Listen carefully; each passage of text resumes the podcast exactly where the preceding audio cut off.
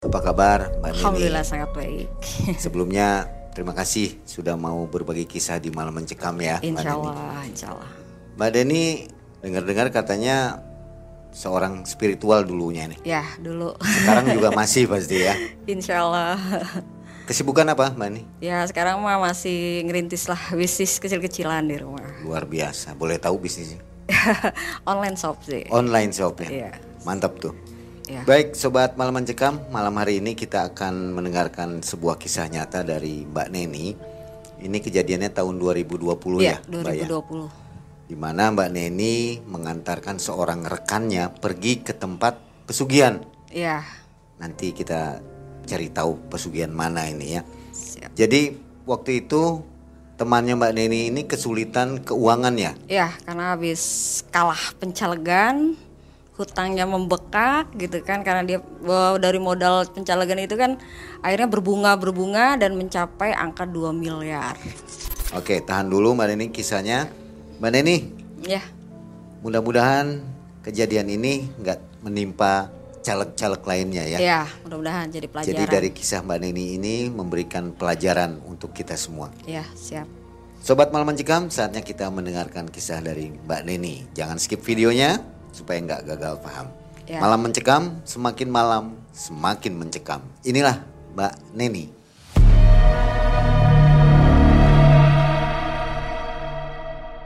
Gini loh kisahnya Bang. Eh, iya, saya akan ceritakan kronologis kejadiannya. Pada saat itu kita memang lagi bermain di rumah teman kita, itu sebut saja Bunda, ya kan. Nah, pada saat itu saya ngobrol-ngobrol saya bawa temen nih. Nah, datanglah teman saya. Nah, si Bunda ini kaget ngeliat teman saya sebutlah namanya Nawang. Kita ngobrol nih bertiga, bla bla bla bla. Udah gitu, datang lagi dua orang teman, tapi saya tidak kenal, Mai, gitu kan, tidak kenal. Eh, akhirnya si Bunda tersebut mengenalkan lah bahwa eh, mereka berdua ini kan suami istri ya, dikenalin, bla bla bla. Ya kita ngobrol asik biasa. Ah, tercetuslah bahwa kita nanti bakal jalan-jalan ke Solo kita ke sana akan liburan gitu kan karena di sana itu tempatnya indah di salah satu gunung Lawu. Akhirnya si Bunda dengan menceritakan nanti akan ada waktunya kita ngobrol lebih lanjut karena ini udah malam. Akhirnya kita nutup dengan ya maksudnya ngobrol biasa aja ngobrol ringan. Nah hari berikutnya kita kumpul lagi tuh Mai kumpul lagi di situ di tempat Bunda juga dengan mereka yang kita udah kenal. Nawang pun ada. Nah kita ceritain lah bahwa sebenarnya mereka itu caleg eh, yang gagal Eh, dengan pencalegan kemarin dia meni- meninggalkan hutang lah habis kampanye ya dari 1,2 menjadi 2 m dan itu sudah masuk ranah hukum karena mungkin dituntut pembayaran si la- suaminya ini mungkin panik ya gimana caranya ini mengembalikan uang yang 2 m gitu kan akhirnya hari berikutnya kejadian bahwa si bapak tersebut membawa peralatan untuk eh, istilahnya katanya gitu yang disebut dengan uang gaib, uang yang bakal kita ambil. Saya juga nggak paham di situ kan, apa nih sebenarnya kan, cuman kata si bunda tersebut, Mbak kita nanti ke sana bakal ngambil uang gaib yang eh, istilahnya nilainya mungkin bisa mencapai 2 m katanya seperti itu. Nah itu dia eh, perlihatin Mbak itu di sana ada satu kotak uang rupiah. Kita akan ngambil di sana dengan nanti kita akan ada ritual. Ritual yang eh, ya bunda tersebut tidak me- bilang bahwa itu akan ritualnya akan tidak memakan ya bahasanya makan korban cuma nanti begini loh begini loh gitu. Akhirnya di hari berikutnya kita dijabarin nih karena si bapak ini sudah membawa salah satu syaratnya untuk mengambil uang tersebut. Salah satu kris yang dari salah satu keraton di Jawa Tengah itu krisnya Luk 5 Kris itu yang akan digunakan untuk ritual tersebut salah satunya. Setelah itu Bunda ngasih lagi penjabarannya bahwa nanti akan di sana akan seperti ini dan seperti ini. Kita punya tugas masing-masing loh gitu kan. Ya udah akhirnya saya dan teman saya ya oke kan aja lah gitu kan toh kita nggak tahu juga seperti apa ritual di sana yang penting kan katanya nggak makan korban pada saat itu dia bilangnya seperti itu akhirnya eh, si bunda mengasih tahu juga nih mbak mbak bawa ini nanti mbak Nawang bawa ini Mbak Cahaya, saya sebut Cahaya ya, Mbak Cahaya bawa ini dan si bapak ini saya sebut Pak Handoko. Pak Handoko seperti ini gitu. Di situlah dijabarin sama Bunda dan hari berikutnya setelah pengen kita berangkat itu dikasih tahu juga nanti jalannya seperti ini ya nanti kalau di sana itu nanti akan ada sendang yang warna uh, sendang tujuh kita akan mandi dari curug satu sampai ke tujuh di tujuh itu nanti situ kita uh, pamungkasnya di situ si bapak nanti perjalanan dari bawah sampai atas itu di depan sama si ibu gitu kan dengan membawa keris yang dari uh, keraton itu saya dikasih kunci pada saat itu. Ini Mbak nanti kuncinya dan si Nawang itu dikasih satu mutiara putih pegang nanti berjalan pun kita diatur sama Bunda. Waktunya pun kita diatur untuk pemberangkatan pun kita diatur. Nah, singkat ceritanya mulai perjalanan itu sudah ada uh, sudah ada apa ya? kayak halangan gitu. Yang harusnya kata bunda jam 3 itu harus kumpul jam 3 sore itu di rumah saya pada saat itu ternyata molor. Mobilnya beginilah itunya beginilah gitu kan. Akhirnya molor lah satu jam. Sampai kita berangkat dari Cirebon tuh jam 4 sore kita tetap berangkat nih padahal hati udah gak enak nih karena udah molor udah banyak masalah ya menurutnya karena si si bapaknya sama si ibunya ini kayak berantem tapi diem-dieman gitu. Dari situ pun kita perjalanan tuh kayak nggak mulus. Banyak sekali kendalanya gitu kan. Pada akhirnya di perjalanan itu kan akhirnya sore ya, sore menjelang mau maghrib itu saya mah tidur di perjalanan saya tidur mojok karena kan mobilnya emang sempit ya khusus cuma lima orang gitu kan si bunda di tengah si nawang di sampingnya bunda mereka berdua suami istri di depan. Pada saat itu saya pura-pura tidur lah. Mereka tuh ngomong macem-macem gitu loh. Wah ini mobil bau ini ya gitu. Mobil bau ini ya saya cuma dengerin aja. Udah rame gitu terus bunda sempat ke ngoceh yang macem-macem gitu kan. Akhirnya ya saya sih cuekin aja lah gitu kan. Tidur aja pura-pura tidur lah gitu. apalagi kan si istrinya uh, bapak ini kan indigo gitu. Menurut dia indigo dia ngeliat wah di depan ada ini gitu. Ada ada yang awal kita katanya. Mereka seneng aja kayak gitu. Ceritanya seneng lah bahasanya di awal perjalanan gitu. Akhirnya saya mah pas nyampe tempat kita istirahat sebentar di rest area. Sampai di rest area kita makan kita perlanjutkan perjalanan gitu. Lanjutkan perjalanan pun kita ke Solo. Langsung ke Solo di Solo kita nggak dapat penginapan sampai akhirnya kita dapat penginapan di tengah kota yang sebenarnya kan memang harusnya kan kita Solonya ke, ke arah ke yang mau ke Gunung Lawu kan Iya, akhirnya ya udahlah istirahat di kota. Kita istirahat dua kamar. Si bapaknya sama si ibunya satu kamar, kita bertiga. Kita lagi ber, berbicara, ngobrol aja santai istirahat gitu kan karena besok e, rencananya mau ngelanjutin ke gunung tersebut kan. Tapi pada saat itu keanehannya terjadi, Pak. Pada saat itu si kaki Bunda tiba-tiba bengkak. Bunda tuh maksa pada saat malam itu jam 9 aja kita berangkat. Tapi kaki dia bengkak tiba-tiba. Saya nggak tahu mungkin karena kelelahan atau apa, saya berpikirnya positif aja. Sampai saya kejadiannya yang aneh laginya si istrinya itu kabur. Kabur berantem mereka, berantem. Ini berantem. Saya ngeliat bunda kakinya bengkak. Masa sih harus ngelanjutin perjalanan? Saya mikirnya seperti itu, Bang. Ataunya Bunda maksa, harus jam 9 kita harus berangkat malam ini. Saya tetap kekeh, saya nggak mau keadaan bunda kakinya seperti itu. Saya nggak mau, saya aja nggak sanggup. Saya bilang gitu. Kalau harus mapah bahasanya kan gitu. Saya tegasin aja, saya ini nggak mungkin saya mapah, apalagi malam hari gitu kan. Saya nggak mau. Akhirnya di situ dengan berat hati ya mereka memutuskan besoknya baru kita ngelanjutin perjalanan. Dari situ pagi-paginya yang bikin kita aneh itu normal. Normal sih bunda ini kakinya normal. Dan normal kita ngelanjutin perjalanan dari hotel. Tapi sebelum ke tempat-tempat tersebut kita singgah dulu nih. Di Solonya itu ada mau pemilihan wali kota. Kita singgah di salah satu calon dari wali kota tersebut. Kita ngobrol lah di situ karena apa? Kita ngambil salah satu kuncennya gitu kan kuncennya yang nanti akan uh, ikut kita ke atas gitu nemenin kita ke atas pada akhirnya kita setelah selesai di situ kita ngobrol nah ketemulah dengan kita jemputlah dengan yang akan mendampingi kita di tempat tersebut gitu kan di kaki gunung itu kan kita jemput si itu namanya sebut aja Pak Keli ya Pak Keli ini bantu kita untuk naik ke atas. Kita sudah jemput, akhirnya perjalanan dilanjutkan. Tapi di perjalanan kita beli kembang dulu di kota. Beli kembang untuk ritual. Ya kalau saya kan nggak suka ya makan kembang atau apa pun. Nah itu teman-teman kita udah malah makanin gitu kan. Aneh juga ini kan. Lah kalian kok pada makanin sih enak katanya enak lah saya nggak suka gitu kan memang seger-seger ya karena itu kan buat uh, apa namanya buat ke makam atau apa kan ini ya gitu baru-baru semua itu kembangnya gitu kan udah gitu kita jalan terus akhirnya datanglah ke tempat persembahan ya bukan persembahan sih sebenarnya wisata ya buat kita wisata tapi di situ memang tempat uh, intinya bahwa di kaki Gunung Lau itu banyak banyak-banyak uh, para pejabat yang ke sana.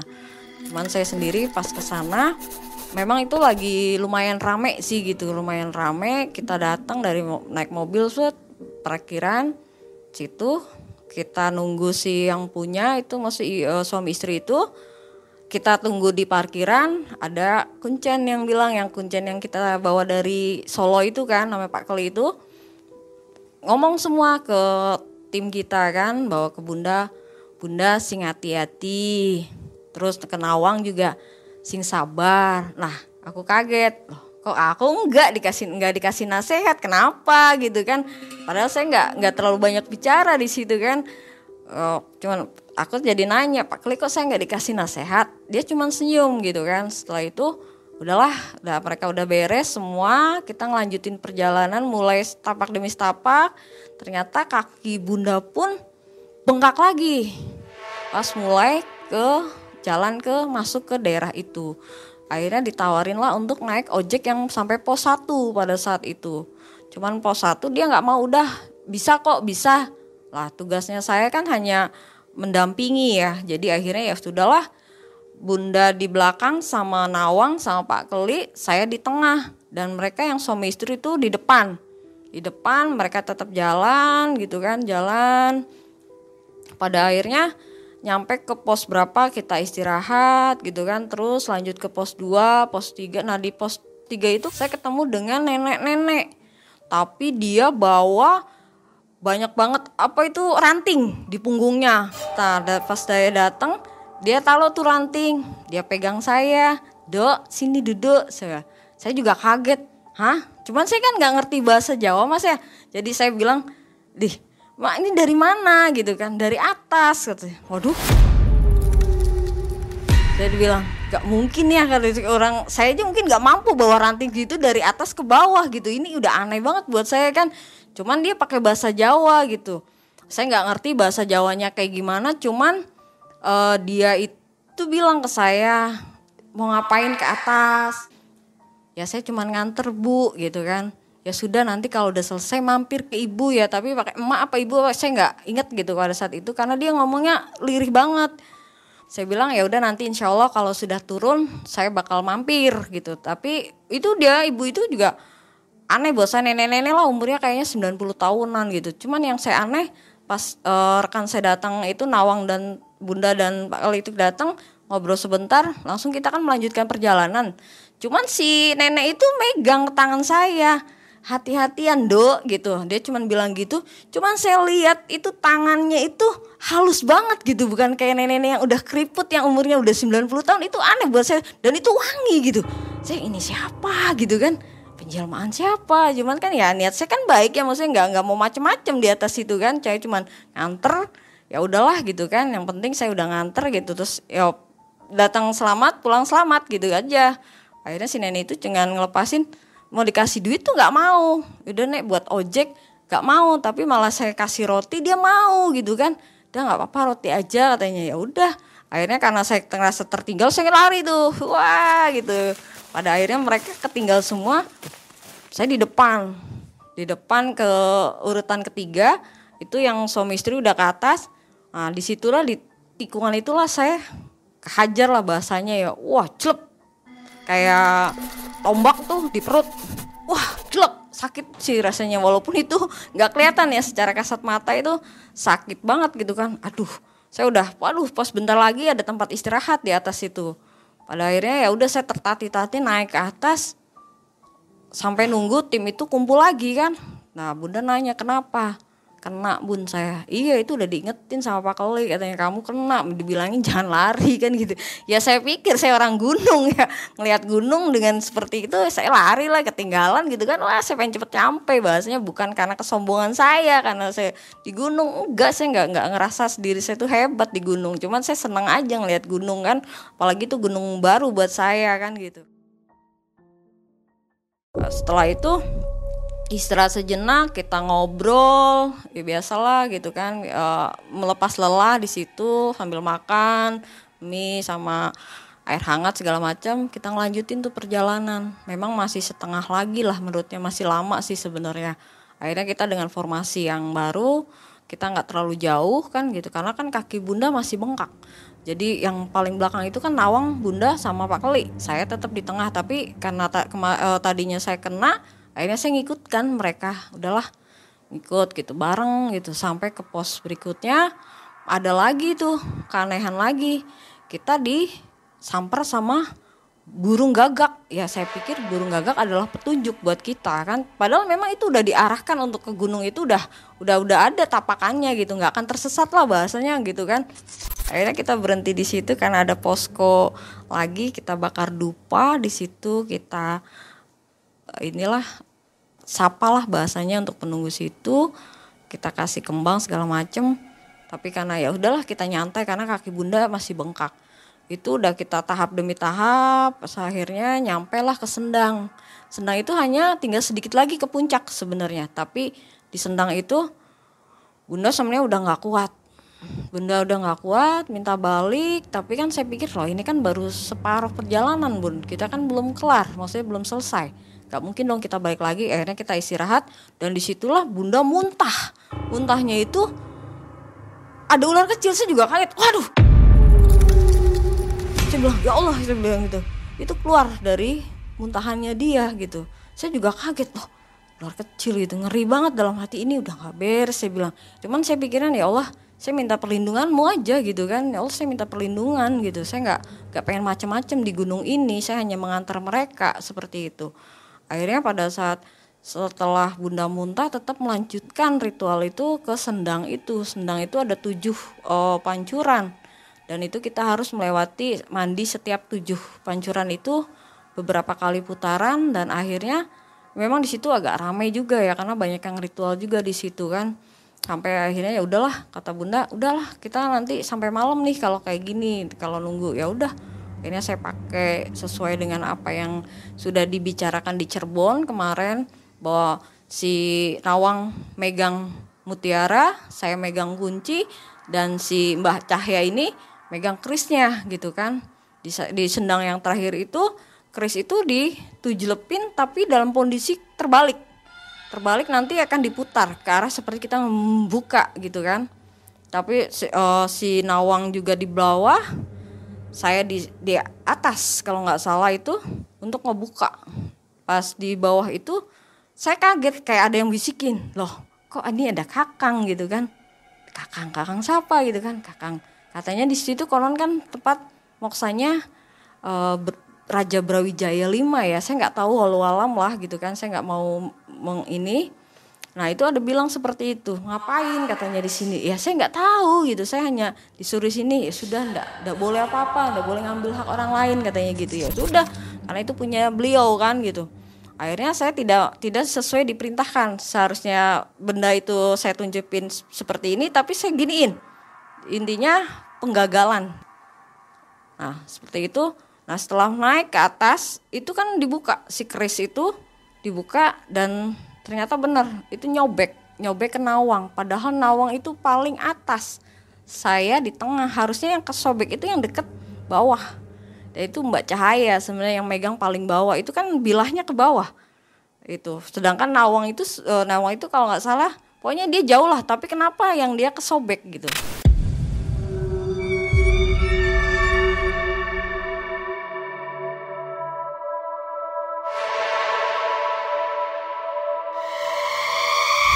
udahlah namanya kita ya hal aneh lah itu terjadi diobatin selesai.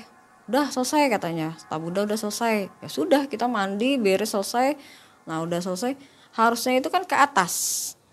Ke atas cuman karena kondisi kaki bunda masih bengkak kita nggak ngelanjutin. Bunda mau turun bunda mau turun.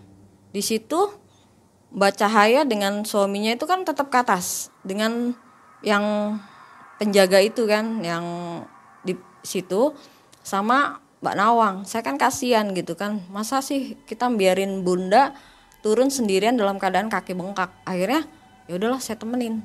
Saya temenin turun ke bawah eh ternyata Mbak Nawang sendiri juga nggak tega. Akhirnya dia ngikut kita lah. Sama dengan Pak Klik itu. Pak Klik kita turun ke bawah ya udah bun.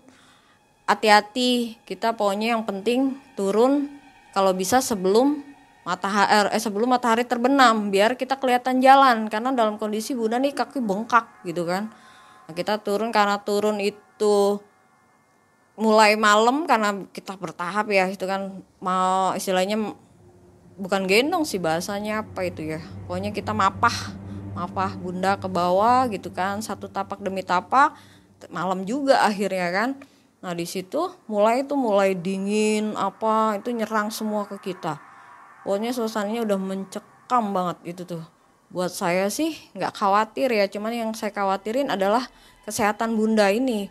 Yang pernah nggak kita ke bawah kita aja udah ngerasa udah nggak enak nih suasana gitu kan. Nah udah gitu karena kita lambat jalannya mereka selesai tuh di atas tuh yang suami istri nih turunlah ke bawah kan ngejar kita bahasanya kan ngejar kita duduk kita tuh istirahat si bunda minta istirahat duduklah kita di uh, sebuah batu. Kita ketemu di situ. Nah si bunda tuh udah kaki udah aduh udah gak kuat kayaknya aku gimana gimana? Kunjan itu bilang udah sing sabar insya Allah kita nyampe sampai bawah. Nah si nawang pun dia itu uh, menjaga banget gitu. Duduklah dia juga di batu tersebut. Saya mah tetap berdiri di luar itu agak jaraknya jauh. Nah tak kenapa mau jatuh tuh mereka berdua.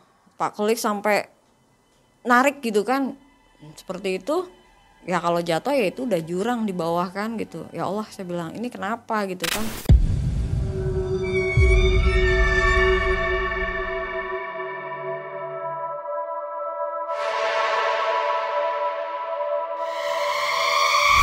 padahal itu batu lebar banget gitu. Kenapa bisa sampai mereka mau jatuh ke sana? Kayak ada yang narik kata bunda kok saya ada yang narik ya? Nah pas ke atas kita ngelihat itu seperti ada suara gending.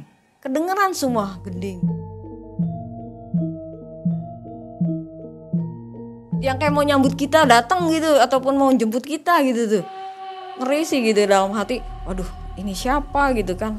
Udah gitu kita ngelanjutin perjalanan istirahat lagi tertawa-tawa lah mereka gitu. Antara si suami istri ini saya nggak tahu ngertawain apa gitu kan. Sampai si bunda tersebut tuh sakit hati. Kok saya dalam keadaan begini mereka masih bisa loh ketawa-ketawa? Ini kan demi mereka gitu. Bahasa bunda kan seperti itu. Lah saya nggak tahu bun kenapa gitu kan. Pada akhirnya tetap kita melanjutkan perjalanan. Udah bun Bismillah aja kita bisa. Udah santai aja. Jangan sampai nyerah bahasanya karena memang kakinya semakin bengkak apalagi udah udara dingin kan di di atas itu udah dingin udah wah udah nggak karuan lah. Alhamdulillah sudah turun di posisi bawah ada ojek. Dari situ turunlah mereka berdua pakai ojek sama nawang saya dengan mereka turun tetap pakai jalan kaki. Di sampai pos tersebut saya nggak nemuin tuh yang namanya nenek-nenek tadi yang nunggu kita. Ya aneh aja gitu kan. Dih, nenek-nenek siapa? Cuman masih ya udahlah buru-buru mikirin seperti itu. Saya mikirin yang penting bunda bisa balik ke hotel istirahat. Udah nggak usah mikirin macam-macam dulu kan gitu. Dari situ kita melanjutkan perjalanan ke Jogja. Bertemu dengan para para teman-teman spiritual di sana. Saya juga nggak kenal mereka itu siapa cuman dikenalin sama mereka ya teman-teman bunda tersebut. Di Jogja di sebuah padepokan. Dari situlah bunda tetap pengen melanjutkan ke Dieng. Padahal sama temennya itu yang disebutnya dengan Romo itu tidak mengizinkan. Ngapain? Nah pada anehnya itu pas di padepokan sembuh kaki dia. Itu yang buat kita di kok ini penyakit apa? Gitu kan. Jadi nggak ngerepotin kita tuh pada saat itu karena pada saat itu dia masih bisa jalan lagi. Dari turun dari mobil tuh bisa nyambut sembuh lah gitu kan. Nah itu padahal udah diperingatin ngapain ke Dieng gitu kan? Udah pulang aja gitu. Tapi maksa si bunda ini maksa untuk ke Dieng lanjutin ke Dieng. Nah di perjalanan karena maksa. Padahal saya juga mau istirahat. Ah di Jogja istirahat dulu lah gitu kan. Kita bisa main-main dulu lah gitu. Namanya kita nggak punya pikiran macam-macam dan nggak punya misi apa-apa. Tapi bagi mereka yang mungkin bertiga ini sudah merencanakan dari awal pengen ngambil sesuatu dan kita nggak tahu hasilnya tetap mereka maksa kita ke Dieng. Kita melanjutkan ke Dieng.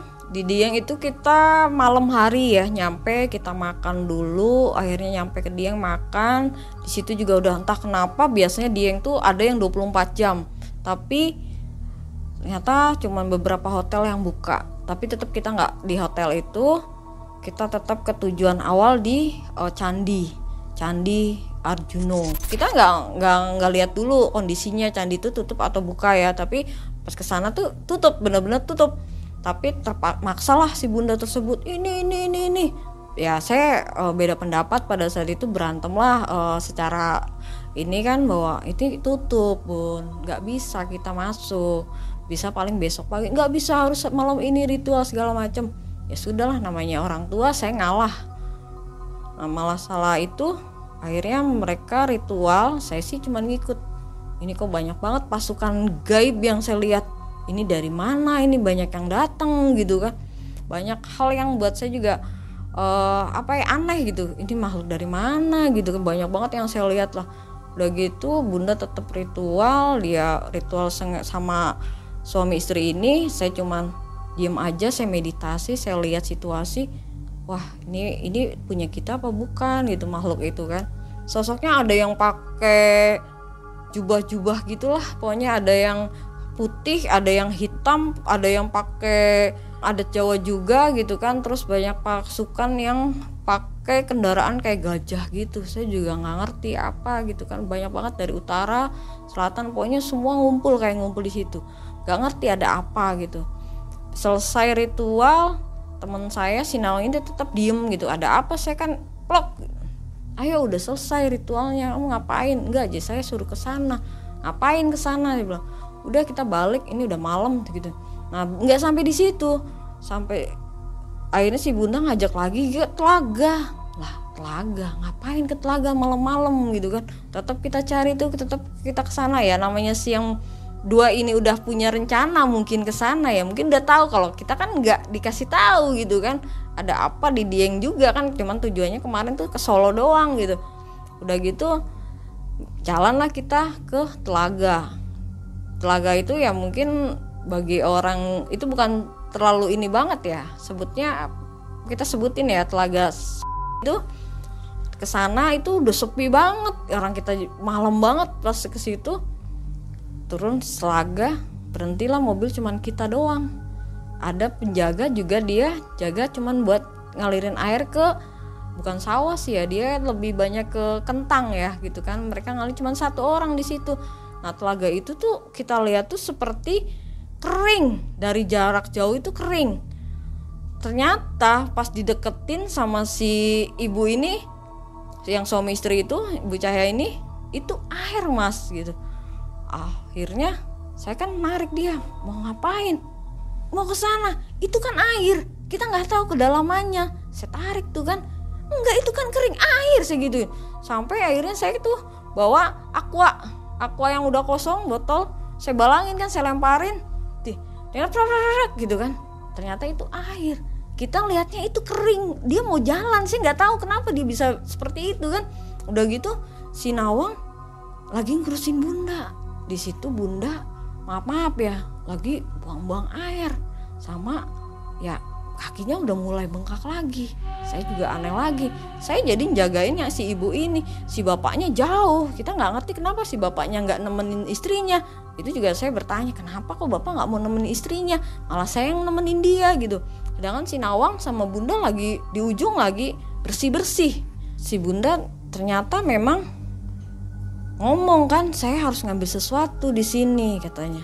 Ngambil sesuatu apa? Ngobrolnya sama si Nawang. Kalau ke saya enggak. Saya hanya taunya ke Dieng ya di Dieng. Itu aja. Tapi ternyata ngobrol sama si Nawang bahwa mau ngambil sesuatu di situ di telaga itu. Padahal saya sih dapat bisikan pada saat itu tolong dong ambilin mustika ini gitu kan. Mustika hitam nah di situ saya nggak ngerasa ambisi. Jadi saya ah ngapain lah adalah nanti lagi lah saya anggap itu angin lalu. Karena saya nggak tahu bahwa ke telaga itu bahwa si bunda mau ngambil mustika hitam itu. Dan ternyata yang ngobrol ke saya itu sosoknya kecil kecil tapi hitam. Cuman dia hanya pakai celana itu aja gitu. Dia mau tolong dong ambilin. Dia bilang ah ngapain? Gitu kan. Udahlah kita akhirnya udah bunda udah selesai udah apa yuk kita pulang lah udah dingin nih udah mau pagi. Akhirnya pulang lah. Di, di papah lah si bunda sama si nawang ini ke mobil. Pulanglah kita ke dari Dieng itu pulang ke Jogja. Dari Jogja pulang ke Cirebon. Nah singkat cerita setelah lama udahlah selesai saya nggak mau nih ada tangkut pautan lagi kan. Udahlah habis buat saya itu sia-sia perjalanan. Nah, e, di sana tidak ada hasil apa-apa. Saya tidak melihat apa-apa. Yang hanya saya lihat hanya e, ritual yang malah mensensarakan bagi bunda tersebut kan gitu. Kenapa sampai kejadiannya seperti itu sampai dalam perjalanan tuh masih muntah dan buang air gitu. Sampai pulang ke Cirebon pun tujuh hari pulang nyampe itu masih kondisinya seperti itu. Udah ke dokter udah ke spesialis dan tetap tidak berubah. Tetap seperti itu semakin kurus akhirnya semakin kurus. Nah setelah selesai kita ya sudahlah bun. Ini udah selesai tugas kita nemenin udah selesai. Akhirnya saya dengan jalan saya sendiri tidak bergabung lagi tuh di situ. Bunda dengan jalannya si yang suami istri dengan jalannya karena rencana mungkin juga setelah beberapa minggu kita review kan? Ternyata sepertinya tidak berhasil. Si bapak menuntut dengan biaya yang sudah dia keluarkan karena dia sendiri kan pengen mencalonkan menjadi salah satu kota kita kan gitu. Ternyata hasil seminggu tidak ada hasil. Dipertanyakan terus kan sama mereka. Sedangkan kita sih ya sudah kayaknya ini mah saya udah selesai buat saya tugas saya udah selesai nemenin kita sih udah nggak mau ada hubungan lagi nih tinggal urusannya kalian sama bunda. Setelah selesai saya melepaskan diri mereka masih komunikasi nih berempat. Saya tetap jalan sendiri saya tetap ke macam singkat waktunya. Saya sakit jelek. Sakit itu satu minggu saya sakit. Tapi sakitnya nih kayak bukan medis ya. Setelah saya berobat tuh semuanya normal akhirnya kakak seperguruan saya dari Jawa Timur datang. Kamu kenapa? Tanyalah kemarin ke rumah. Itu saya nggak bisa duduk sama sekali. Dan saya tidak bisa makan apa pun. Habis badan saya duduk pun saya nggak bisa. Saya cuma bisa terbaring minum air putih selama tujuh hari. Hampir 14 hari saya kayak seperti itu. Akhirnya kakak seperguruan saya datang dia tanya kamu sakit apa? Saya dari jauh nggak bisa mantau kamu. Akhirnya saya datang iya mas makasih banyak sudah nengokin. Saya bilang kamu dari mana? Kakak perguruan saya bilang saya habis nganter ini saya tunjukkan semua foto bekas ke salah satu gunung tersebut kan. Wah gila kamu. Terus kamu gimana? Ya saya tidak melaksanakan apa sesuai yang mereka perintahkan ya bodoh kalau kamu memerintahkan. Kenapa mas? Kamu bakal jadi tumbal mereka kalau kamu melaksanakan itu semua. Waduh saya kan kaget. Nggak mungkin lah mas saya bilang. Ya kamu rasain silakan aja kamu lihat. Kalau bukan kamu dia yang akan mati. Itu kakak seperguruan saya sampai bilang kayak gitu. Waduh mas gimana ya? Kan ini mereka orang baik-baik loh. Mereka semuanya ya kamu yang kamu lihat tapi kamu nggak tahu kan apa yang mereka rencanakan. Iya saya mau lurus-lurus aja sih gitu. Saya lurus-lurus aja. Saya nemenin mereka ya saya temenin. Saya suruh begini ya cuman saya memang dalam hati pas nyampe di sana pas ritual memang saya tidak sesuai apa yang mereka perintah gitu. Akhirnya ya sudah saya pikir nggak mungkin lah saya ngomong lah dimin aja saya gituin. Karena saya nggak nggak mau ngambil harta orang lain tak gituin. Udah gitu pas selesai dia bicara ya sudah yang penting kamu jaga kesehatan. Jangan sampai terulang lagi seperti ini. Apa pun tentang hal gaib kamu jangan gegabah. Hati-hati gak boleh sembarangan katanya. Karena itu nyawa kamu dan keluarga kamu yang akan diincar. Ini ya udahlah. Saya bilang ya Allah saya nggak tahu gitu. Bahwasanya bahwa saya akan menjadi tumbal di sana sama dengan teman saya. Ya udahlah. Yang penting sekarang saya sehat lagi mas. Saya pengen sembuh lagi. Akhirnya dengan ya dibantu dengan kakak seperguruan saya. Saya pulih alhamdulillah. Sama kakak ipar saya juga dikasih energi saya pulih lagi saya normal lagi saya bisa aktivitas lagi. Berapa bulan kemudian saya dengar bunda sakit parah. Saya nggak tahu kenapa saya belum sempat nengok. Pas nengok juga sama Nawang. Pada saat nengok dengan Nawang saya nggak tahu bahwa bunda itu memang sudah parah banget, sudah bengkak semua kakinya dan sudah tidak bisa jalan. Kita nengok pun si Nawang yang nyoba menyembuhkan secara uh, gaibnya. Cuman saya tidak tidak bukan tidak mau membantu, saya tidak tahu harus bagaimana karena itu saya pikir penyakit bunda medis. Tapi tetap Nawang bantu selesai. Saya nggak tahu bahwa keadaannya bunda sudah sering ego, sering ngomong yang enggak katanya inilah itulah itulah. Wah saya anggap memang namanya orang sakit pasti seperti itu. Akhirnya kita pergi dulu sebentar keluar karena memang ada panggilan gitu. Satu minggu atau berapa minggu hari kemudian dia masuk rumah sakit. Itu udah sering bolak-balik rumah sakit semua rumah sakit. Saya tetap nggak belum bisa nengok pada saat itu. Nengok-nengoknya setelah pas sudah ya saya nggak tahu itu dia mau najal atau apa. Kita nengok pun di rumah sakit saya udah ngeliat bunda udah lain matanya udah kosong. Wah saya kaget. Akhirnya jam 3 saya udah ngeliat dia video call udah hilang. Kayak bukan bunda saya bilang kalau alam saya nggak tahu cuman saya firasat wah bunda nggak akan lama ini sih. Sudah kosong saya gitu. Ternyata kejadiannya jam 7 pagi saya dikabarin bunda meninggal. Saya kaget ya kaget sih kagetnya kok bisa gitu. Maksudnya bukan karena memang parah banget. Cuman kok bisa sampai ngelos gini gitu kan. Parah banget akhirnya jam 7 kita dikabarin meninggal ya kita persiapan segala macem. Kita tetap nemenin di akhir hayatnya walaupun istilahnya dia pernah berbuat ke saya seperti itu gitu. Dari rumah sakit pun terlihat di mata bunda itu ada yang memang sudah keluar di, di dari diri dia. Kayak sosoknya bukan bunda yang saya lihat tapi nggak tahu itu sosok siapa. Yang akhirnya ya udah ini kayaknya bunda udah nggak ada hilang entah ke mana. Cuman dia memang saya lihat tuh udah kosong aja kosong.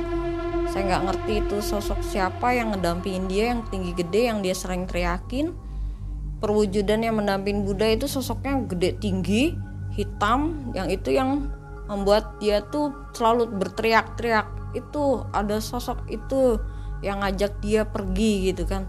Sosok itulah yang buat kita tuh aneh sosok yang mana gitu. Sedangkan yang kita lihat tuh gak ada siapa-siapa ya waktu masih sakit keadaan sakit tuh gak ada siapa-siapa tapi dia selalu ngungkapin itu itu sosoknya itu katanya gitu. Pokoknya dia nunjuk ke kalau di kamarnya itu dia nunjuk di kamarnya yang dekat lemari. Sosok hitam tinggi dan kita nggak tahu itu sosok apa karena kita juga nggak mengenali gitu kan sosok apa itu. Cuman saya pikir untuk menenangkan beliau akhirnya udah udah pergi udah saya usir kan gitu bahasa. Udah saya usir si tetap dia ngigau dia ada dia mau ngambil saya dia mau ngambil saya. Enggak saya bilang nggak bun dia udah pergi kok. Tapi memang betul pada saat kita ada sosok itu seakan-akan hilang. Tapi giliran kita pergi ngigau laginya seperti itu. Dia takut dengan sosok hitam itu. Dan saya nggak tahu sosok hitam itu siapa. Apakah yang dari sana? Karena kan kita beberapa tempat nih. Ada yang di Lawu di Dieng apa yang di mana? Kita nggak tahu. Kita nggak ngelacak sampai sejauh itu karena kita juga sibuk. Pada saat itu sibuk banget cuman yang diceritain adalah sosok hitam. Sosok hitam yang di seakan-akan dia mau narik dia gitu. Ayo ikut saya ikut saya. Cuman kan berontak. Bundanya tuh berontak saya nggak mau saya nggak mau. Tapi sosok itulah yang membuat dia tidak bisa tidur. Akhirnya setelah itu kita bawa jenazahnya ke rumah dan aduh ngeri juga ya. Karena kan bunda itu orangnya kecil. Cuman karena pas ninggal itu dia membesar. Saya nggak tahu kenapa membesar itu karena mungkin karena dari medis karena sakit jantung kita nggak tahu juga. Pada akhirnya setelah kita uh, memakamkan sampai ke peristirahatan terakhir kita pulang siang hari kejanggalan udah mulai tuh. Saya kan bawa mobil malam-malam ya biasa saya ke kuningan sendiri. Nongol tuh kaget juga kan. Bunda di jendela jendela mobil saya. Wah saya bilang di ada apa bun? Bunda kan bukannya udah tenang di sana. Enggak mbak saya tuh masih di uber uber katanya. Tolongin saya tolongin, tolongin gimana sih? Gitu. Udah beda beda ja beda alam kita gitu. Udah muka dia udah serem banget gitu kan. Itu sosok dia nampak banget gitu. Ya saya bacain al-fatihah aja semoga udah tenang di sana. Ya itulah yang terjadi. Saya juga ya sedih ya dalam artian sampai gak ada. Tim kita gak ada. Hanya sesuatu hal yang tidak jelas buat saya kan? Pada dasarnya bahwa sesuatu yang gaib itu buat saya ya berhati-hatilah. Karena kita nggak tahu ke depannya tuh seperti apa. Jangan pernah bikin janji apa pun dengan makhluk yang istilahnya kita nggak tahu itu. Makhluk apa? Karena dia akan ngejar kita sampai perjanjian itu selesai. Jadi dari kisah ini Mbak Neni seperti di prank ya? Iya, karena kan saya nggak tahu kalau tujuannya mencari uh, uang gaib itu bakal menumbalkan ya, karena kan saya taunya dari kakak seperguruan saya gitu. Saya sih pikirnya ya main-main aja lah, lihatlah seperti apa gitu kan nggak curiga sebelumnya. Kan mbak Neni ini seorang spiritual setidaknya punya rasa gitu ya. Feeling mah ada cuman namanya kita berpositif thinking ya gitu. Terus pengen tahu seperti apa. Setiap itu kan ritualnya berbeda.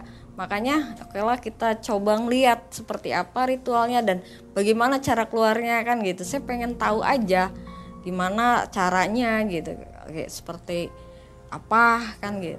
Ngabisin penasaran Iya sebenarnya sih padahal itu nyawa taruhannya, ya. taruhannya ya iya. gitu kan.